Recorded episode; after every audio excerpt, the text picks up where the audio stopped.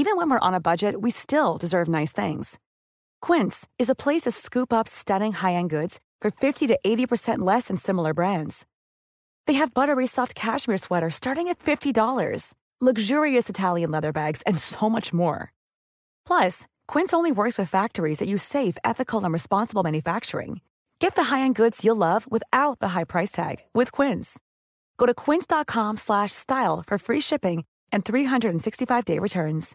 I'm Sandra, and I'm just the professional your small business was looking for. But you didn't hire me because you didn't use LinkedIn jobs. LinkedIn has professionals you can't find anywhere else, including those who aren't actively looking for a new job but might be open to the perfect role, like me. In a given month, over 70% of LinkedIn users don't visit other leading job sites. So if you're not looking on LinkedIn, you'll miss out on great candidates like Sandra. Start hiring professionals like a professional. Post your free job on linkedin.com/people slash people today.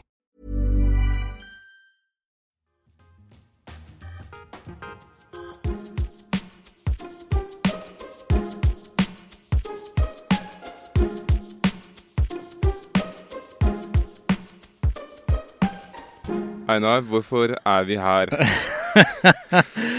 Nei, altså, vi må ta en liten uh, lite tillegg på gjengangere. Ja, fordi uh, Så dette er en slags gjengangere 2.0. ja. Dette er en gjenganger. Man. Gjengangere. Gjengangere 2.0. Det er det vi må nå i dag. Ja, fordi da, da vi kom hjem sist for en uke siden, eller da jeg kom hjem, så mottok jeg melding fra deg. Og hvor du sa vi må ta en epilogepisode. Ja. Nei, altså For å være helt ærlig, så eh, når vi leste Gjengangere, så syntes jeg det var et veldig fantastisk stykke. Og jeg leste to ganger til og med, det er det som er det pinlige. Og så, så kom jeg hit, og så begynte vi å snakke om det, og så merka jeg liksom at faen, du har jo sett en dør jeg ikke har sett. Og det irriterte meg. Så det er utilgivelig. Jeg har ikke tilgitt meg selv ennå. Ja, men altså, det viser jo bare at du har et um, edlere sinn, da. Ja, altså jeg, for det, det som var interessant, da, det var jo at du oppdaga Greit nok to ting du oppdaga som jeg ikke hadde Jeg, sett. opp, altså, jeg, Jeg vet jeg det. oppdaget Ja, ikke, men jeg har fått høre om det. Altså, min far har fortalt det sånn. Jeg kommer til det. Fordi jeg, jeg, det var to ting du sa da, som jeg ikke hadde sett. Og det ene var at uh, Osvald ikke var sønnen til herr Alving, men sønnen til presten. Manders. Mm. Ikke Manders? Ja, Manders. Og det uh, Det er greit nok. Det var det hintet om liksom prestelig over munnen, at hun hadde vært hos presten en gang. Det var et par sånne hint. Og de var sånn greit nok. Jeg hadde ikke catcha det, ikke så veldig alvorlig. Men det som var interessant, var at du oppdaga det med pipa også. Mm. Det at det, det eneste Osvald huska fra sin far, herr Alving, var jo dette at han ble satt på fanget hans og måtte røyke pipe til han kasta opp. Og det hinta du om at var en seksuell misbruksscene. Ja.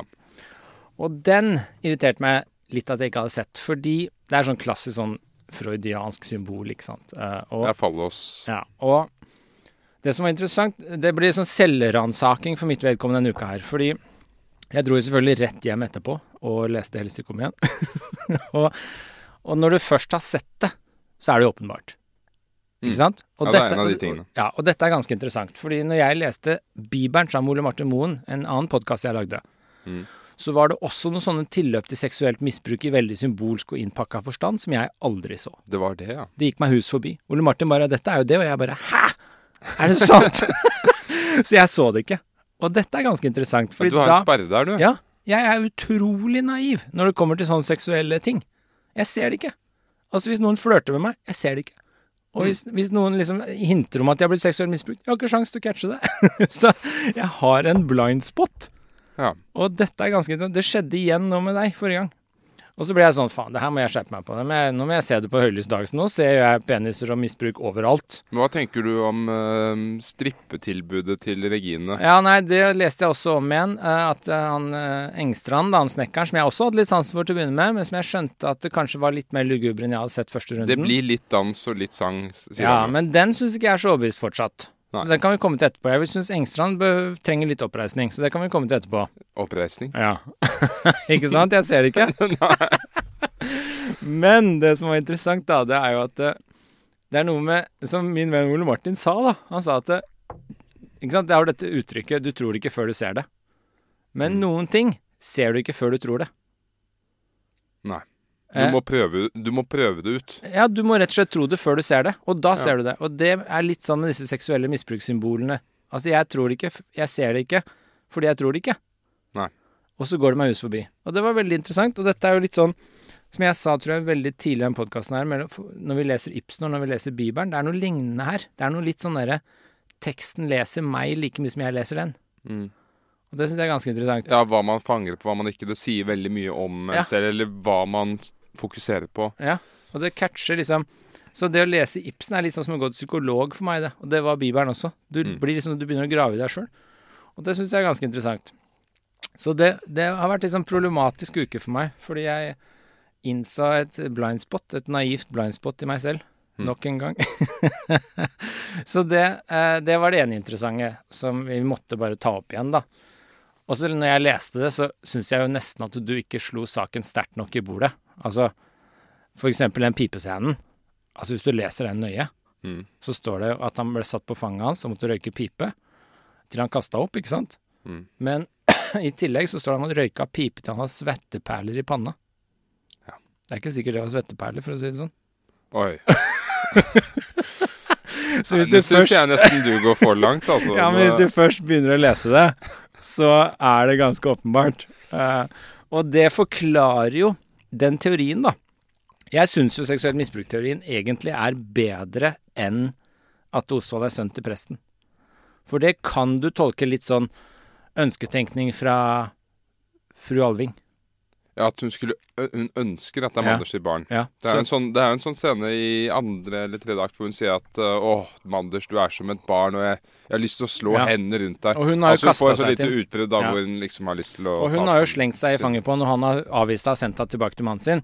Så du kan tolke pressen som veldig prinsippfast her, og henne som litt sånn vil ha han, og så Men er det litt hva med- ønsketenkning. Hva med Engstrand og Nå har vi gjøken, barnet mitt. Ja, det er sånne hint som Ibsen gjør for å skape tvetydighet, ikke sant. Det er jo klassisk. Det er bare på faen. Ja, litt. Det er jo klassikeren. Det, sånn, men sånn kan du tolke det i hvert fall. Så det jeg står for, som vi snakka om, er jo at Ibsen har lagt inn alle disse dørene med vilje. For at det skal gå mange mulige veier. Det er ikke én måte her. Ja. Men det som er eh, i tillegg litt sånn interessant da, det er jo at det, det der med det seksuelle symbolet, det er jo sterkere, syns jeg, enn det med den sønnen. At han ikke er sønn til den presten. Eh, fordi det er så mye mer åpenbart når du først ser det, tror det, så er det så mye mer åpenbart. Når du først tror det, så ser du det så mye mer. Ja. Eh, og det er nok litt sånn Måten Ibsen kunne ha tatt opp det temaet på, er sånn. Han kunne jo ikke skrive det rett ut den gang. Nei, nei. Så, vel, kanskje ikke i dag engang. nei, ikke sant? Så det er måten han gjør det på, og, og det forklarer også plottet mye mer. Og dette er litt sånn vitenskapelig til verks når det går litterært til Ja, men du syns det? For sist var du litt bekymret. Eller, du Ja, nei, sånn men jeg, jo, mer, jo mer jeg tenker på det, så forklarer det plottet i en veldig interessant måte. Fordi hvis det er tilfellet, at herr Alving var en sånn drukkenbolt og misbruker og utro og var sånn notorisk ryggløs, som fru Alving sier, så forklarer jo det hvorfor fru Alving sender av gårde sønnen sin så tidlig. Ja. For å verne han. Og hun sier det jo ikke. Nei. eh, Bent ut. Det var bare et eller annet jeg måtte der. Noe Ja, altså hun må også si, forklarer det også hvorfor hun tok så jernkontroll over hjemmet. Så hun trer, trår opp, trer opp, står frem som en sterk kvinneskikkelse innenfor de rammene hun har på Mm. den tiden. Så sånn sett så forklarer det derre sexplottet egentlig plottet i stykket ganske godt. Kanskje bedre enn hvis det ikke er der. Hvorfor Mm. skal du sende av gårde bare fordi faren er litt sånn utro mot kona, kona liksom? Ja, ikke sant. Det er ikke så alvorlig å sende av gårde sønnen for det. Men hvis han misbruker sønnen, da forklarer det godt. Da fremstår hun som en ganske mye mer hederlig karakter. Mm. Så fru Alving kom jo sterkere ut av det. Hvis vi har det plottet. Ja. Så jeg leste en gang til. Jeg støtter din teori kanskje mer enn du selv gjorde. Og så i tillegg så er jo jeg er jo professor av en grunn. Ja. Eh, Jeg ble jo litt gira. Her må gira. efterforskes. Ja, så jeg gjorde litt etterforskning. og eh, jeg satt brillene på nesetuppen og tok på meg blazeren og gjorde litt etterforskning. Eh, og dette er jo en teori som er der ute. fordi når vi spiller inn disse episodene, så har jo ikke jeg googla, jeg har ikke lest, jeg har ikke gjort research. Jeg bare leser stykket, og så snakker jeg med deg om det. Mm. Og det er, en vis fa det er noe sånn naivt og litt sånn barnslig over det som jeg syns er veldig gøy, da. Ja, ja. Men eh, når jeg gikk etter det her litt etterpå, fordi jeg syntes det var så pinlig, så er dette jo dette med pipa, da. Det er jo en teori som litteraturvitere en, som heter Frode Helland og Arnfinn um, Husker ikke etternavnet hans, men Frode Helland og en som heter Arnfinn. de, de har skrevet en, skrevet en artikkel i 1996 i Bøygen, dette tidsskriftet, hvor, som heter 'Det er ikke en pipe', om Ibsens gjengangere. Ja. Og Der foreslår de denne teorien om at pipa egentlig er et seksuelt symbol. Mm. Slik at eh, den er jo der. Også hvis du søker litt rundt, så er det en del sånne der videregående ressurser og sånn, hvor du tolker Ibsen-stykket, 'Gjengangere', så er det jo en del ressurser på at eh, det kanskje Alvi, Osvald ikke er sønnen til Alving, ikke sant, men til Manders. Og, Mm. så det er jo der ute, så jeg burde ha gjort litt mer research, kanskje. Så jeg hadde litt dårlig samvittighet for det også. Ja, men det er grenser hva man har tid til når man holder på her. Men så er det jo litt gøy å vise det barnlige over å oppdage ting. Ja, ja. Det er gleden med litteratur, at man oppdager sånne ting og blir gira. Men du er, nå som du har lest den såpass mange ganger, så er jeg litt, er litt sånn spent. Nå er jeg litt sånn spent på det, det, an, det var noe annet vi var uenige om sist. Du mente at Manders hadde tent på hjemme, mens jeg mente at han Engstrand drev med sånn eh, gaslighting. Ja, så du mente Engstrand var djevelen selv, Ja. eh, med denne treklossen under beinet og halvtid på beinet og sånn. Så han var liksom djevelen og ondskapen i stykket. Det også finner du, hvis du søker litt da på litteratur på det her, så finner du litt den ideen også. Ja. Og jeg tror jo det er åpenbart en dør Ibsen har åpna, så klart, det med symbolet med bein og sånn, men eh, Og den gjøken også er jo åpenbart et symbol han har lagt inn, ikke sant, med Mm. at Manders har lagt egget i feil rede. Men jeg tror at Engstrand kanskje trenger en liten oppreisning. Uh, akkurat som fru Fru um, Alving? Alving Det er en uke siden nå. Fru Alving hun eh, kom jo veldig sterkt ut av det når jeg leste det en gang til. ikke sant? Men jeg tror også Engstrand kan komme litt sterkere ut av det. Jeg var veldig sånn overbevist nå skal jeg vise Øde at Engstrand er sjefen. Det klarte jeg ikke. Nei. Så når jeg leste om henne, så var ikke Engstrand så bra som jeg kanskje hadde trodd. Men empatien min er, kan jeg plassere på Engstrand sin side til tider. Så når vi bruker våre empatiske emner, så forstår jeg fru Alving veldig godt. Ikke sant? I hvert fall med det seksuelle misbruket. Ja, det, er, det er jo dette her med at hun blir tvunget til en viss grad til å foreta seg noe. Mm. Og hun, hun tar et valg. Det er kanskje ikke det aller beste valget, men hun tar et valg basert på de opplysningene, de mulighetene hun har. Ja. Så det er jo Og det viser karakterstyrke, og hun, Ja. liksom, hun, hun, virker, da. Ja. Virker hun er det. Ja, altså Men- Når hennes ektefelle driver og mishandler barnet, så må man jo kanskje virke. Ja. Og så er det jo det der at han voldtok jo stuepika. Mora til Regine. Det var en regelrett voldtekt. Mm. Det indikerer jo også at han er villig til å krysse grenser. Ja. Apropos det misbruket av sønnen. Så jo mer du tenker over det, jo mer peker i retning av at pipa ikke er en pipe. Mm. Men eh, apropos Engstrand. Han kan jeg også forstå til en viss grad. Fordi det som skjer med Engstrand, ikke sant, det er at han har jo hatt et forhold til mora til Regine fra før. Tidlig. Og så avviser hun han fordi han var halvt og han var stygg. Så hun Ja. gikk bare for det skjønne. Kommer det frem i stykket at de hadde hatt et forhold Ja. før hun ble gravid? Ja. Aha, men da har du oppdaget noe jeg ikke Og så avviser hun han fordi han ikke var pen. Hun går bare for det vakre, sa han. Og så kommer det, hun tilbake senere, gravid. Mm. Og så sier hun til Engstrand at det, det var en amerikaner Ja. som har gjort meg gravid. Eh, og da redder han henne med å gifte seg med henne og ta Mm. på seg det skylda. Så han tar jo den byrden på sine skuldre da. Og det kan jeg forstå, eneste jeg kan forstå det, er at han er litt forelska i henne. ikke? Han likte henne veldig godt. Søren, dette minner meg om uh, Jenofa.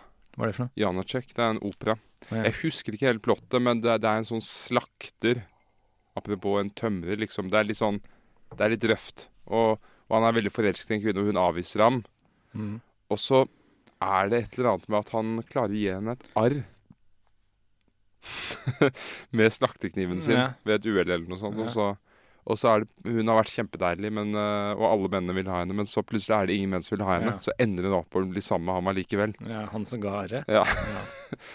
Det, jeg husker, husker ikke, men det bare minnet meg litt om det. Nei, for jeg tror Engstrand er forelska i hun, da. Det er liksom kjærligheten hans. Slik at da skjønner jeg jo at han tar på seg den skylda, ikke sant? Og så vet han jo innerst inne at hun gikk fra han til å begynne med. Så Mm. hun vil jo egentlig ikke han.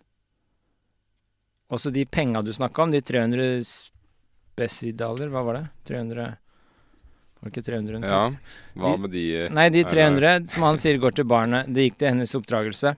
Jo, men hva med det han sier i første handling? Han, engelsk, han engelskmannen, han med lystkutteren, han ga 300 spesdaler, han. Og hun var ikke vakrere, hun, enn du. Nei, han sier bare at dattera hans var like vakker som mora si. Jo, men han sier jo nesten frem at hun skal begynne å ligge rundt og Nei, sånn. nei, men kom, vent med det plottet at han prøver å gjøre det hun til hore. Fordi det, det kommer. Men de penga han får, de sier han jo eh, De hadde henne Det var hun som hadde de penga, ikke han. Og så sier han de har gått til hennes oppdragelse, og jeg kan gjøre rede for hver eneste en av de. Ja. Så han kan gjøre rede for at de penga har gått. Så det er ingenting Det som er jo litt tilsier mistenksomt, da. Ja, men det er ingenting som tilsier at han har spent, brukt de penga på tull og tøys.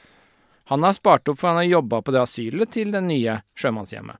Mm. Og så er spørsmålet så, Sånn sett så er det alltid ok så langt med Engstrand. Han er litt sånn Ok. fyllefant og sånn, da. Greit. Så jeg liker jo at han er litt sånn ærlig og full og sånn. Det er greit. Det plager ikke meg. Mm. Uh, men det kan også forklare hvorfor han drikker litt. Han mista kjærligheten sin, og så kom han tilbake, men utnytta han egentlig. Alkohol er jo en deilig substans også, da. Må ikke glemme det. Ja. Ok, men så, så, så langt. Men så uh, er det jo dette med at han uh, Han prøver å lokke hun Regine til å hjelpe. Og jeg Ikke sant, igjen. Du ser det ikke før du tror det. Eh, jeg ser jo hva du mener med at han sier sånn Kan ikke du komme, vi trenger litt underholdning på kvelden. Men det, det, det var også noe som sto når du søker litt rundt. Men jeg er litt over, jeg er ikke helt overbevist. Her er det nok like stort rom for at han bare mener at det trengs en kvinne i hjemmet. Det er jo ikke et hyggelig sjømannshjem hvor de skal føle seg trygge hvis det ikke er noen kvinner der. Så eh, naive meg kan tenke at det ikke nødvendigvis er et horehus. Hvis det er et horus, så må vi prøve å forstå Engstrand. Og det er jo ikke dattera hans. Det er jo ikke dattera hans. Nei, det er jo ikke det. Så, Han har jo Så- oppfostret henne som en datter, da. jo, men kanskje han er bitter? Han er bitter, han fikk ikke hun som han ville ha, ikke sant? Ikke forsvare ham. ja. så, så kanskje han er litt bitter, så jeg er ikke overbevist. Så, men altså allikevel, han Ja, trenger men altså Uansett om det er et sånt pent sånn pensjonat eller om det er et horehus altså det er jo, Sånne ting finner man jo ut av etter hvert. Det er litt sånn som min mor, hun skal jo starte en kafé snart. Mm, ja. Og det blir sånn Er det en kafé, er det et bakeri, er det en restaurant, er det en bistro, er det en, Men du er ganske sikker på at det ikke en er horehus? bar? Det er jeg ganske sikker på. Men, men man finner jo liksom ut hva det er etter hvert, da. Ja, ja, ja. Og så kan det at det blir en mellomting. ja, ja, absolutt. Ja, jeg er enig i det. Altså, det kan hende Ja. Jeg, jeg tror sikkert det i gamle dager var mange vertshus som, som var vertshus, men ja. hvis man betalte litt ekstra, så Mhm. kanskje Du, kan få en, du kan få en massasje, men du kan også få mer. Ja, Det er litt sånn. Det er litt i grå, Har jeg, har jeg hørt. Men det, er jo, det er jo også denne teorien eh, om at eh, både fru Alving og Engstrand bøter på gamle synder ved å lage disse hjemmene. Det er en slags sånn symbol på at de skal opprette dårlig samvittighet. Fordi Engstrand sier? Hun har, føler hun har forsømt sine barn, sånn som presten beskylder henne for, så hun oppretter et barnehjem. Mm. Engstrand føler han har forsømt livet sitt, for han har drikket og ikke fått det til helt. Og bare tatt på seg skyld for andre og sånn. Så han, og hvis han tar på seg skyld for andre av god samvittighet fordi han vil være snill, så oppretter han et sjømannshjem hvor sjømannsfolk kan komme og få lov til å slappe av og være trygge uten at det skjer så mye gærent. Det er for å bøte på hans samvittighet. Så det er en tolkning, det òg. Hvor de liksom De lager disse hjemmene for å bøte på samvittigheten. kanskje han skal liksom ha kontroll på hvor disse sjømennene plasserer sine frø? ja, kanskje. At det skal skje her. Ja, Dette det skal ikke noe gjøk inn her. Nei. Nei. Men ja. Så, og så sier han også samvittigheten er en fæl ting, sier han til eh, presten. Når Ja. presten spør om han har samvittigheten sin igjen. Så jeg, har litt, jeg tror nok Engstrand har litt samvittighet. Og så tror jeg Han er jo snekker og håndverker og, og full, ikke sant? så han er litt den der jordnære, ærlige, ufiltrerte. Mm. Han er litt den barbaren som ikke følger konvensjonene. Slik at han Det er jo på en måte han som får det som han vil i stykket, hvis du tenker etter. Og så er det jo også interessant, da. At han, han er jo snekker, ikke sant? Mm. Og hans kone har fått barn med en annen en. Mm. Minner det deg om noe? Bibelen. Ja. Det er jomfru Maria og Josef. Så ja. hadde jo bare født i en stall i tillegg. Men ja, nei, snekker er jo veldig symbolsk. Det er en grunn til at Ibsen har valgt snekker, det er ikke tilfeldig. Nei. Og så tror jeg at det er jo Engstrand som får det som han vil til slutt, hvis du tenker etter. Fordi asylet til fru Alving brenner ned. Engstrand sitt skal bygges opp, Mm. til syvende og sist. Og eh, Regine drar til presten, som er i byen der Engstrand bygger opp sitt sjømannshjem. Mm. Og presten sier han skal hjelpe Engstrand. Ja. Og presten var også litt slibrig, du husker det?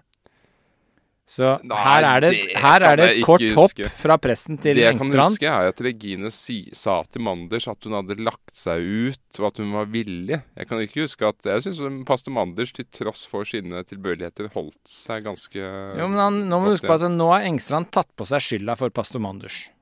Ja, Jo, men offisielt. ef- ja, offisielt efter å ha Ja, ja. lurt ham litt ja, og det det kan, manipulert litt. ja, men uansett, det fremstår nå som han har tatt på seg skylda for. Så Manders skylder Engstrand noe. Mm. Og nå kommer Regine, ender opp med å dra til Manders, presten, og hun sier det får gå som det går, om jeg kaster bort livet mitt, det får gå, jeg må bruke min unge skjønnhet så lenge det varer, sier hun. Mm. Så hun drar til Manders, og Manders skylder Engstrand egentlig hele sin karriere og hele sitt liv. Og det eneste Manders var opptatt av, var jo fasaden, husker du du sa det til og med? Ja. Så hvis Engstrand presser Manders litt da, så får han Regine fort. Over i sjømannshjemmet. Så min teori er at Regine ble hore. OK. Men hvis tolkningen om horehus er der, da Altså, du, du begynner å liksom Du går forbi meg nå. Det er sånn Det er klassisk, det. Det er som da barna hadde lært meg sjakk, og jeg slo Borch hele tiden, ikke sant. Og så lærte jeg Borch sjakk. Og så selvfølgelig så gikk han forbi meg med en gang. Sant? Nei, jeg liksom dryppet et lite sånn sannhetsfrø hos deg, og så lar du det blomstre helt ut. Ja, Regine skal Jeg trodde hun skulle dra og bli dronning, Ja, nei, jeg ble ikke det. sånn som en annen, men du sier hun, dra, hun kommer til å bli en simpel hore. Ja, jeg tror det. Hun er for eh, Hun er en moderne kvinne. Og en, mo- og en moderne kvinne er altså en hore. Er det det du sitter og sier? Nei, nei. Men det siste punktet Dette er bare hvis den horehus-teorien holder, da. Det er jo ikke sikkert det er et horehus. Jeg har en liten, liten mynt på at eh, Engstrand er Men hva Bedre enn synes som du, du Du er jo filosof. I alle fall påstår du det. ja. Men hva er et horehus for deg? Altså, hva tenker du om det? Nei, Strengt tatt er det bare et sted hvor du kan få sex for penger, da. Du betaler, men sånn offisielt. Men det er jo flytende grenser her, ikke sant? Når Mm. du betaler for noe, når du ikke betaler for noe. Når du bare kultiverer Kult... Hva heter det når du liksom bare beverter og gir og kurt, Kultiverer? Kurtiserer? Kurtiserer? Kurtiserer er jo når man forsøker å få noen på glid romantisk. Ja, altså hvis du gjør det med en dame. Mm. Hva var det du sa det het? Kurtiserer. Det burde jeg kanskje ha googla. Å gjøre kur. Ja, men når du gjør det med en dame Mm. i veldig stor grad, Mm. og du betaler veldig mye rundt, er det jo flytende grenser fra bare gi av cash med en gang. Ja. Så akkurat hvor horehuset stopper og hvor det begynner, er vanskelig å si. Det er sånn Ibsens-drama Ja, ja. der. Det er et Ibsen-drama der. Det var et sånt Det var et uh, tema som gikk igjen blant uh, Christiane Bohemen, det også. Altså, det var at de omtalte disse ekteskapene som øhm, lovlig, lovlig prostitusjon. Ja. Eller på en måte samfunnsprostitusjonen. Mm. Hans Borgerskapsprostitusjon. Hans Jægersen var jo opptatt av disse tingene. Og det er jo eh, flytende grenser på det, ikke sant? Altså når Det Men det er dette med direkte, ikke sant? Det er dette med at det er direkte cash mot samleie som Ja. er liksom definisjonen på prostitusjon. Så en ring mot samleie, ikke prostitusjon. Cash mot samleie, prostitusjon. Nei, altså det, det er ikke så firkantet, men det er dette med, det er dette med direkte. Mm. At det skjer innenfor et visst, visst forløp av samleie. da. Du kan si forskjellen på en eskorte og en hore er at betalingen skjer rett før eller rett etter samleie. Så det er ganske opplagt at det er det. Mm. Men hvis du er en eskorte, f.eks., så er det forhåndsavtalt betaling kanskje, eller det skjer litt utover. Du Og så fakturerer så er samleie er liksom en del av pakken på Mm. reisen. Uh, så det er ikke helt tydelig at det er samleie man betaler for. Du vet, du vet skremmende mye om det her, vet du? Ja, så det er et interessant tema, og det er, det er et veldig tabubelagt tema. Mm. Og det er nesten mer tabubelagt i dag enn det var før. Uh, for menn. Ja. Um, det har alltid vært tabubelagt for kvinner. Men på 1800-tallet og bakover så var det jo ikke uvanlig at unge menn dro på horehus. Nei. Men, at det, men det var på en måte Det var én ting, og så var ekteskapet noe annet. Mens for jenter har det jo alltid vært et problem. Mm. Men i dag er vi jo blitt likestilt. Og det, og, Så nå er det et problem for begge. eh, men, men det er jo sånn, når man blir likestilt, så er det jo alltid sånn at man kan velge at ting blir liberalt for begge, eller man kan velge at det blir strengt for begge. Men man har gått Ja. for strengheten. da. Man har gått for den kristne moralen når det gjelder disse ting. Men du tenker ikke på fru Alving som er ordet, da? Fordi fru Alving hun sier jo det også. Hva tenkte du om meg når jeg gikk til en fallen mann? Sier hun til presten. For han sa at hun, hun Ja. ble sendt til en fallen mann, hun mora til Regine. Ja, ikke sant? Nei, omvendt. Men det er jo litt efterpåklokskap, da. Det, Ja. det visste hun ikke. Nei, men arrangerte ekteskap den gang var jo ofte økonomisk motivert. Mm. Så det er en form for, Ja, men, ja, men igjen, det er ekteskapet. Så samler jeg bare en del av det ekteskapspakken. så det er en form for eskorte, da. Ja, mer det. Men, men, men det er jo ikke for én tur, det er jo for livet. Det er et ekteskap. Så jeg mener det er litt annerledes. Det spørs jo hvor sentralt man mener at samleie er i et ekteskap. da. Det Mm. blir jo spørsmålet. Mm. Det er jo ganske sentralt. Man snakker jo om konsum, konsumeringen av ekteskapet. Mm. Ja. Det er liksom det som ideelt sett for noen skal skille ekteskapet fra singeltilværelsen, da. Men, eh, men personlig så er jeg positiv til prostitusjon. Ja. Um, og jeg tror, at, jeg tror at det er en av de tingene som, hvis man fornekter det, sånn som jeg føler at samfunnet vårt gjør i veldig stor grad, så eksisterer det bare på et annet grunnlag. Ja, ja. Um, Det synes så- jo å være verdens eldste yrke. Ja, ja, ikke sant. Det er liksom slagordet for det. Mm. Verdens eldste yrke. Så det betyr altså at kvinner var yrkesaktive før menn. Ja, så det er eh, De, hadde, de styrte arbeidslivet de lenger før oss. ja. Nei, men det er et interessant tema, faktisk, dette med Nei, fordi jeg tenker jo at uh, Jeg får si som, uh, jeg får si som Pass Anders, Jeg kan jo egentlig ikke så mye om disse tingene. uh, men øh, men jeg syns jeg kan se i samfunnet vårt i dag at man har fornektet det, og man har um, skambelagt dette med prostitusjon i så stor grad at den form for aktivitet har smøget seg inn på internett og litt sånn Mm. ulike former for internett Ja.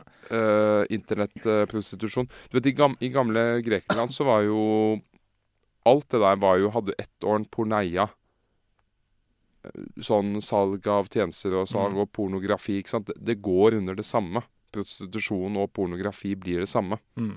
Mens uh, i dag så er det jo ikke sidestilt. I dag er um Men er ikke dette litt sånn som med alle sånne ting som er litt tabulagt? Altså, du kan velge å snakke om det og ta det opp, eller du kan velge å dysse ned og ikke snakke om det. Uansett kommer det til å finne sted.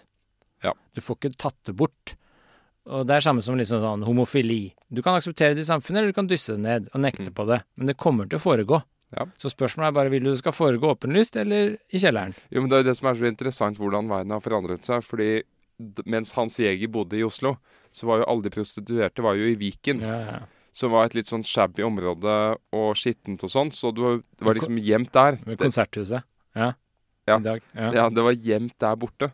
Mens i dag så har man ikke noen sånne områder i byen. Kanskje noe litt utenfor byen, men man har ikke noe sånt sentralt. Men man har internettet. Mm. Så Jeg, Ja, husker, det- jeg husker når jeg var barn, så dro vi inn til Oslo og kjørte skateboard. mm, sånn tolv år. Så tok vi bussen eller toget inn til Oslo, kjørte vi skateboard i Oslo, for der var det også fin asfalt, ikke sant? Ja. Og da var det kjempespennende å skate opp og ned eh, Prinsens gate, og der, altså de parallellgatene på, på, mot festningen, da, fra Karl Johan. For Ja. der var det gateprostituerte. Og da skata vi opp og ned der, for da sto de på hjørnene. Det var kjempespennende, ikke sant, som tolv år gamle gutter å skate opp og ned den gata. Ja. det husker jeg var veldig sånn der, det var sånn der adrenalinrush å kjøre opp og ned der, for det var så ulovlig og skummelt og spennende på en gang når du var tolv år. du fikk ikke en gratis uh, Nei, jeg ble ikke prøve Kul. kul Hva var det du kalte det? Ku, Nei, Jeg bare lurte på om disse, om disse Kultisert. Jeg bare lurte på om disse prostituerte kanskje benytter seg av samme teknikk som disse narkotikumhandlerne, at første dose er gratis. Å ja, sånn ja. Nei, det hadde vært farlig, tror jeg. Ja. Nei, det var bare for å se, da. Det var kjempespennende. Uh, men det var jo slitne narkomane gateprostituerte den gang, da. Mm. Med knekk i knea, og det var ikke sånn. det var ikke noe luksus. Men uh, ja. Men uh, tilbake til Ja, jeg bare tenkte på det når Ja. man snakker om det, at det viser seg jo da etter hvert, da, ifølge noen kilder, at dette møtet i Davos dette økonomiske ja. møtet i året, hvert i året. Det er mange sånne konspirasjonsteorier om The Great Reset, mange sånne ting. ja. Men egentlig så kan det se ut som alt egentlig handler om pro prostitusjon. Hvorfor det? Nei, det, jeg så på noen artikler. Man snakket om det at prostitusjonsindustrien har blitt så helt ekstremt stor i Davos. Mm. Og Det kan altså I løpet av en kveld da, så besøker de alle rommene. Absolutt alle Ja. rommene til de som er på besøk der. Og det kan virke som det egentlig er det det handler om. Det er derfor det er så hemmelig òg. Ja. For det er veldig hemmeligholdt. Uh, og det er jo litt sånn Det kunne nesten vært et sånn Ibsen-drama. Alle disse Ja. konspirasjonsteoriene om Mm. ja, The Great Reset og mange sånne ideer om hvordan de skal forandre verden. Og så er, går du under lupen når du besøker det, og så forstår du i løpet av oppholdet Herregud, det handlet bare om sex, alt sammen. Ja, Det er interessant. Vi skal, hva som lurer under den offisielle strømningen, det skal vi komme til i neste episode. I Folkefiende. Der skal vi snakke litt om det. Millions of people have lost weight with personalized plans from Noom, like Evan, who can't stand salads and still lost 50 pounds. Salads, generally, for most people, are the easy button, right? For me, that wasn't an option. I never really was a salad guy. That's just not who I am. But Noom worked for me. Get your personalized plan today at Noom.com. Real Noom user compensated to provide their story. In four weeks, the typical Noom user can expect to lose one to two pounds per week. Individual results may vary. Hey there, it's Michelle Norris. I'm host of a podcast called Your Mama's Kitchen. When I travel, I'm usually looking for a way to find a taste of home when I'm not at home. And one of the things I love to do when I am at home is entertain. And Airbnb allows me to do that. When I was in California recently, I rented a house that had a great kitchen. And when we were sitting around the table, we we're all thinking, we're in someone else's house. Someone could be in all of our homes as well. If you have a home, but you're not always at home, you have an Airbnb. Your home might be worth more than you think. Find out how much at airbnb.com/slash host. Ja. Men bare sånn for å wrap up denne gjengangere. Det er en ting til, ikke sant, som uh, vi må ta opp. Uh, for dette skulle egentlig bare være en sånn litt kortere Ja. epilog, er det det? Ja. Mm. Fordi uh, det var jo Det var en ting til eh, vi snakka om. Jo, hvem som, det var hjemmet vi skulle snakke om. hvem som brant ned uh, asylet. Hvem som brente ned asylet. Mm. Uh, brant. Brente ned. Det er aktiv Det er dobbel uh... Ikke las. Nei, nei, fordi det er en annen type verb. Men hvem som Det, forskjellen er at noe kan brenne ned uten en aktiv handling fra en mann. Så hvis en mann brenner noe, da brente han det ned. Men hvis det, hvis det er en skogbrann, da brant skogen ned. Ja, jeg skjønner. Hvis det er en dame som tente på. Da er det brant, fordi hun har ikke noe egen vilje. Nei, da. Men, Nei, det eh, er nok brente der også. Ok, ok. Men uh, hvem brente ned asylet? Du mente jo det var Det er Engstrand. Engstrand. Mm. Og det er jo en teori. Det er kanskje den mest mainstream teorien, ikke sant? Søren! Alternativet er jo at eh, Her er en annen tolkning. Dette viser hvordan vi kan omtolke Ibsen hele tiden. Fordi her er en annen tolkning. Det er to scener hvor det asylet holder på å brenne ned. Først holder det på å brenne ned når Engstrand er der, og så brenner det ned når Manders er der. Efter han har vært der, brenner det ned. Ja. Men det påstås da fra Engstrand at Ja. det startet mens han var der. Så, så, og Engstrand var der ved begge tilfeller. Ikke sant? Ja. Så sånn sett så er jo han litt sånn suspect. Hvis jeg var politikonstabel, så hadde jeg forhørt han først, kanskje. For han er på begge steder. Begge gangene har vært branntilløp. Men som Og efter hans egen forklaring så ser han Manders brenne på. Så uansett om Manders har, brent, har gjort det, så er han medskyldig. For han så det skje, han gjorde Ja, ingenting. Mm, Det er hans egen forklaring. det er sant. Jeg er enig i at det er hovedteorien. At uh, han eh, Og det passer med liksom at han skal være den onde figuren i stykket, da. Men Ja, men, den Engstrand. også liksom renser opp, han brenner ned liksom dette råtne ja, Det er jo alt, litt sånn tematikk fra samfunnets støtter der med at vi må utlufte og Absolutt. bytte ut og sånn. alt skal brennes, sier det på et tidspunkt der. Alt brenner, sier Osvald. Ikke sant? Inkludert hans sinn. Ja. Alt fra dette hjemmet, Alving, brenner til slutt. Alt skal bort. Mm. Alt skal renskes bort. Og eh, du kan jo se på Engstrand som den som er den virkende faktoren som sørger for at det skjer. Han er arkitekten Ja, bak så alt. han er på en måte den som kommer og sørger for at eh, det onde blir utslettet. Han er den som virker, Einar. Ja, men da er ikke han den onde, egentlig. Nei, altså den For som han- virker kan jo ikke være ond fra ditt ståsted. Men han rensker opp ondskapen. Han brenner jo ned alt dette som har bare vært roten til alt vondt. Alle denne ufine tinga. Men poenget er at det, det kan også tolkes sånn at eh, Engstrand var der første gang til branntilløp, men da ble det ikke brann. Hvis han ville tent på, så kunne han jo gjort det. Nei, men han, Han det var derfor for han inviterte Manders ned til andakten, for han Ja. ville gi skylden til Manders. Ja, jeg kommer til det. Så var det Så du kan tolke det som at han ikke tente på. Fordi han var den som hindra den første brannen. Og så når, når eh, Manders er der og tenner på uforsiktig, så brenner det ned. Og da kan du se at det, her er to Men tolkninger. godtar du hans egen forklaring om at han bare så på og lot det skje, da? Ja, da var det liksom leilighet Nei, for det? her er forskjellen. Altså, jeg, jeg tror ikke Engstrand Du kan tolke det som at Engstrand faktisk ikke tente på. Det var Manders. Men når Engstrand så at det kom til å ta fyr, så ana han muligheten. Og da lot han det brenne. Så det er forskjell Ja, på passiv men da og blir, det aktiv. litt sånn, da blir det litt sånn som slutten på Casablanca, da. Har du sett den? Ja, men det Nei, men altså, det er dette her med at de, de gjør noe skyldig sammen mot slutten. Ja. Og altså, altså noe skyldig i, i, i Ja, hva skal man si, det offentlige mm, synspunkt, da. Mm. Og da etterpå så sier Nei, hvorfor kan ikke vi jobbe sammen like så godt? La oss begynne å samarbeide. Mm. For da har de fått et bånd. Så jeg bare tenker på hvis, hvis disse to har gjort Gjort noe skyldig, noe ulovlig sammen, Ja, ja, ja. Mm. så er det etterpå Nei, la oss starte et hjem sammen. Det, det- skapes et bånd ved å gjøre noe Mm. ulovlig sammen. Det er sant. Det er jo også en tolkning, faktisk. At de litt sånn ender opp med å bli gæren, eh, gjøre noe gærent, og så Det er liksom blir de eh, kompiser. Er det nesten litt som keiser Galilea her? Eh, Kjødet og ånd skal bli ved ett. Det er liksom presten og tømreren Mm. går sammen. Ja. Men ja. Men jeg, jeg, du skjønner at Engstrand muligens ikke aktivt har tent på. Det er en tolkning. Du er enig i det? Ja, men den, er- den er litt tynn, altså. Den er, den, jeg syns den er tynnere enn at Åsvald er sønn av Manders. Gjøken, Einar. Gjøken. Nå har vi gjøken, barnet mitt. Ja. Men altså, jeg ser også som Engstein bare liksom han øyna en mulighet her, da, til å la noe skje. Og da kanskje han så liksom at eh, nå plotta han at eh, jeg, nå har jeg muligheten til å få dette hjemmet mitt opp og gå. Og ingen er perfekte. Så han gjorde det, plotta det, skjønte tegninga. Og da fikk han dette hjemmet opp og gå, som ikke er et horhus, men et hederlig og godt hjem for sjømenn, så de kan slappe av. Og da har på en måte det helliget middelet. Kanskje. Samtidig som du kan tenke at han er litt bitter og vil hevne alt dette rotet som den familien Alving har gjort hans liv.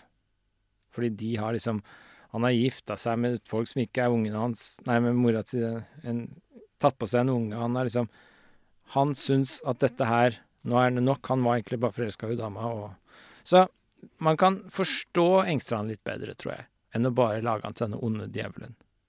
Mm. Og så er han en fattig fyllik, ikke sant? Uh, disse fulle folka er ofte de ærlige Ibsen-stykker. Ja. De sier det rett ut. De er litt sånn som barn. De er sånn morsomme. Du får sannheten fra fylliker og barn, vet du. Ja, Så eh. Engstrand er veldig sånn På en måte litt sånn slu, men på en annen måte litt sånn Kanskje den som får ting til å skje, og får ting til å brenne, og får løst opp i ondskapen, og han er på en måte Du kan se på han som en sånn nødvendig virkende kraft, da. Og han er jo en Altså, han har et fint navn. Engstrand. Det Ja. høres jo veldig positivt ut. Mm. Ja. Jeg fikk litt sympati med han, jeg. Ja. Egentlig fikk jeg sympati med han mest når det viste at han hadde dette forholdet til hun først, og så kom hun tilbake, og så sier han selvfølgelig ja, men han veit jo innerst inne at hun ikke ville ha han. Du er en romantiker, du. Einar. Så ja, det var liksom eh, min sånn retolkning av, av gjengangere. Det er jo et bra stykke, da. Ja. Fantastisk. Det er fortsatt det beste. Men Osvald er jo da på en måte den, det store offeret her, da. Altså, han er jo maler. Mm. Han har Han snakker helt om dette lyset. Han forsøkte å male dette lyset. Så han har Han har gjennom sitt arbeid kanskje forsøkt å rømme fra denne triste, pietistiske og legge lokk på alt sammen og overgripaktige bakgrunnen. Og så greier han ikke rømme fra den. Nei. Så han er jo Og han er jo ikke dum. Osvald er ikke Nei. dum i det hele tatt. Han er en smart fyr. Mm. Ja. Han fikk jo denne syfilisen. Det er også veldig diskutert, har jeg funnet ut, da. Av hvordan han fikk det. Det var jo så mange teorier den gang.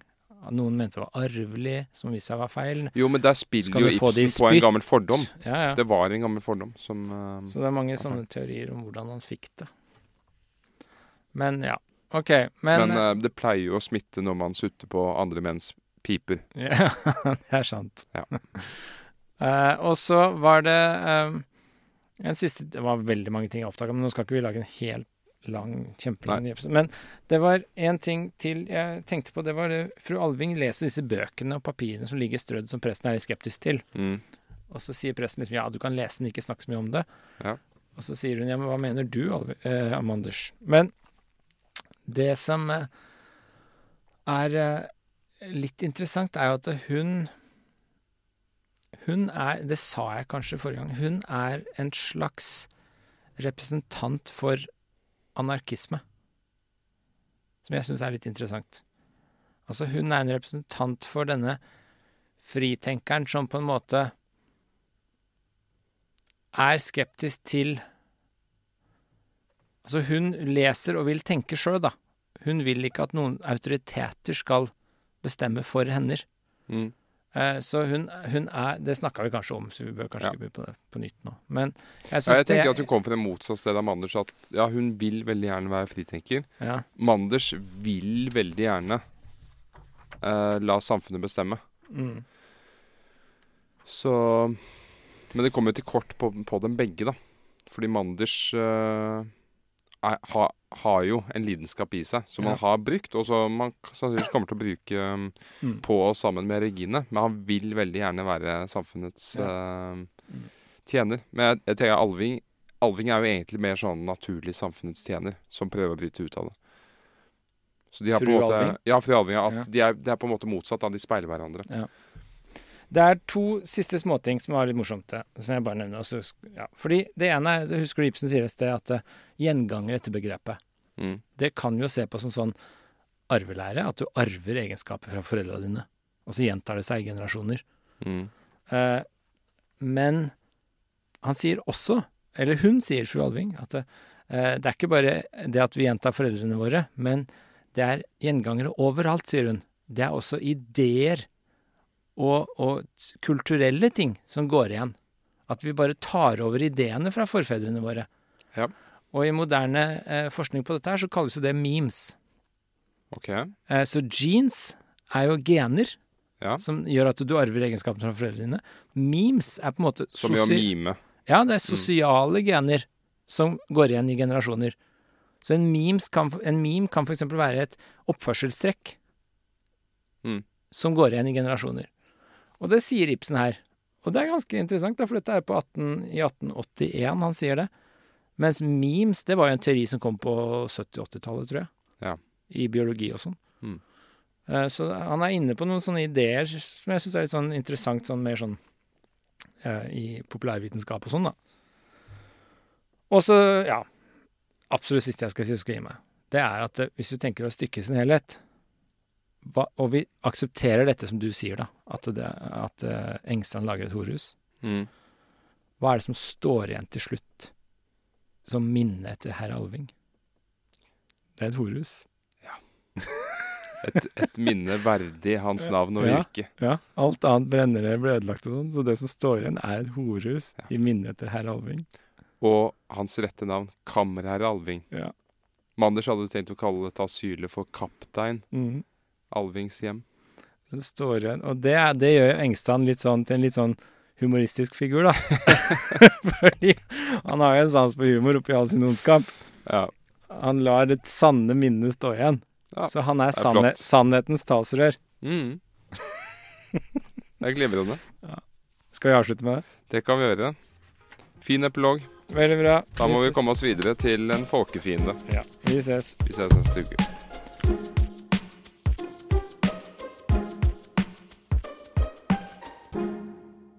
Produsert av Klinge.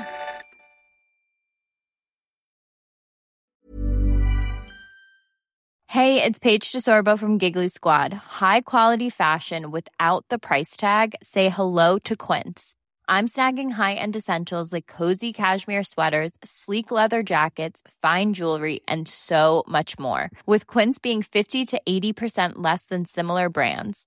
And they partner with factories that prioritize safe, ethical, and responsible manufacturing. I love that. Luxury quality within reach. Go to quince.com slash style to get free shipping and 365 day returns on your next order. Quince.com slash style. Even when we're on a budget, we still deserve nice things. Quince is a place to scoop up stunning high-end goods for 50 to 80% less than similar brands. They have buttery soft cashmere sweaters starting at $50, luxurious Italian leather bags, and so much more. Plus, Quince only works with factories that use safe, ethical, and responsible manufacturing. Get the high-end goods you'll love without the high price tag with Quince. Go to quince.com/style for free shipping and 365-day returns.